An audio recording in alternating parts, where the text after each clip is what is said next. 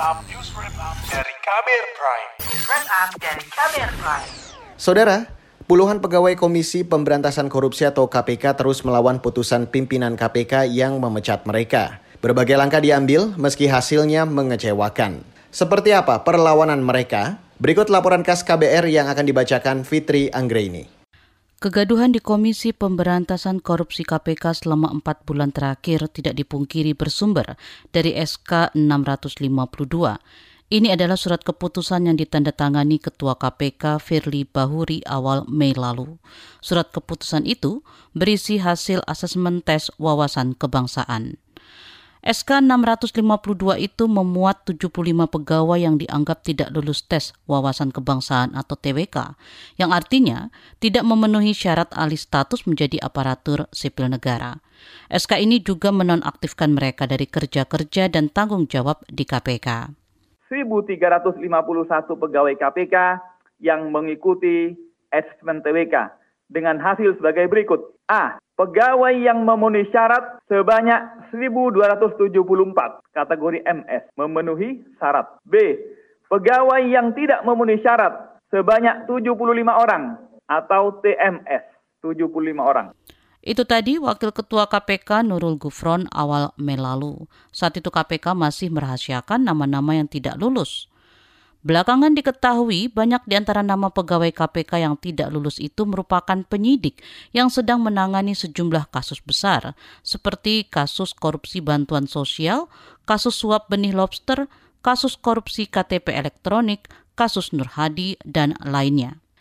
Di awal Mei pula, pimpinan KPK menjamin SK itu bukan berarti pemecatan. Ke-75 pegawai itu lantas mengadu ke Dewan Pengawas atas dugaan pelanggaran kode etik oleh Ketua KPK Firly Bahuri. Namun perlawanan mereka kandas. Ketua Dewan Pengawas KPK Tumpak Hatorangan Pangabean mengatakan dugaan itu tidak terbukti sehingga tidak bisa diproses ke sidang etik. Berdasarkan pertimbangan-pertimbangan yang sudah diuraikan tadi, maka Dewan Pengawas secara musyawarah dan mufakat berkesimpulan seluruh dugaan pelanggaran kode etik dan pedoman perilaku yang diduga dilakukan oleh pimpinan KPK sebagaimana disampaikan dalam surat pengaduan kepada Dewan Pengawas tidaklah cukup bukti sehingga tidak memenuhi syarat untuk dilanjutkan ke sidang etik.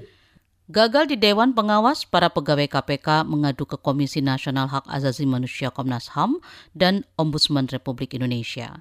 Hasilnya dua lembaga ini menyatakan tes wawasan kebangsaan TWK cacat prosedur dan melanggar HAM.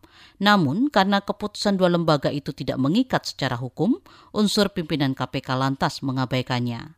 Selain kedua lembaga itu, puluhan pegawai KPK ini juga melakukan perlawanan hukum ke Mahkamah Agung. Permohonan uji materi peraturan KPK menjadi dasar kegiatan tes wawasan kebangsaan.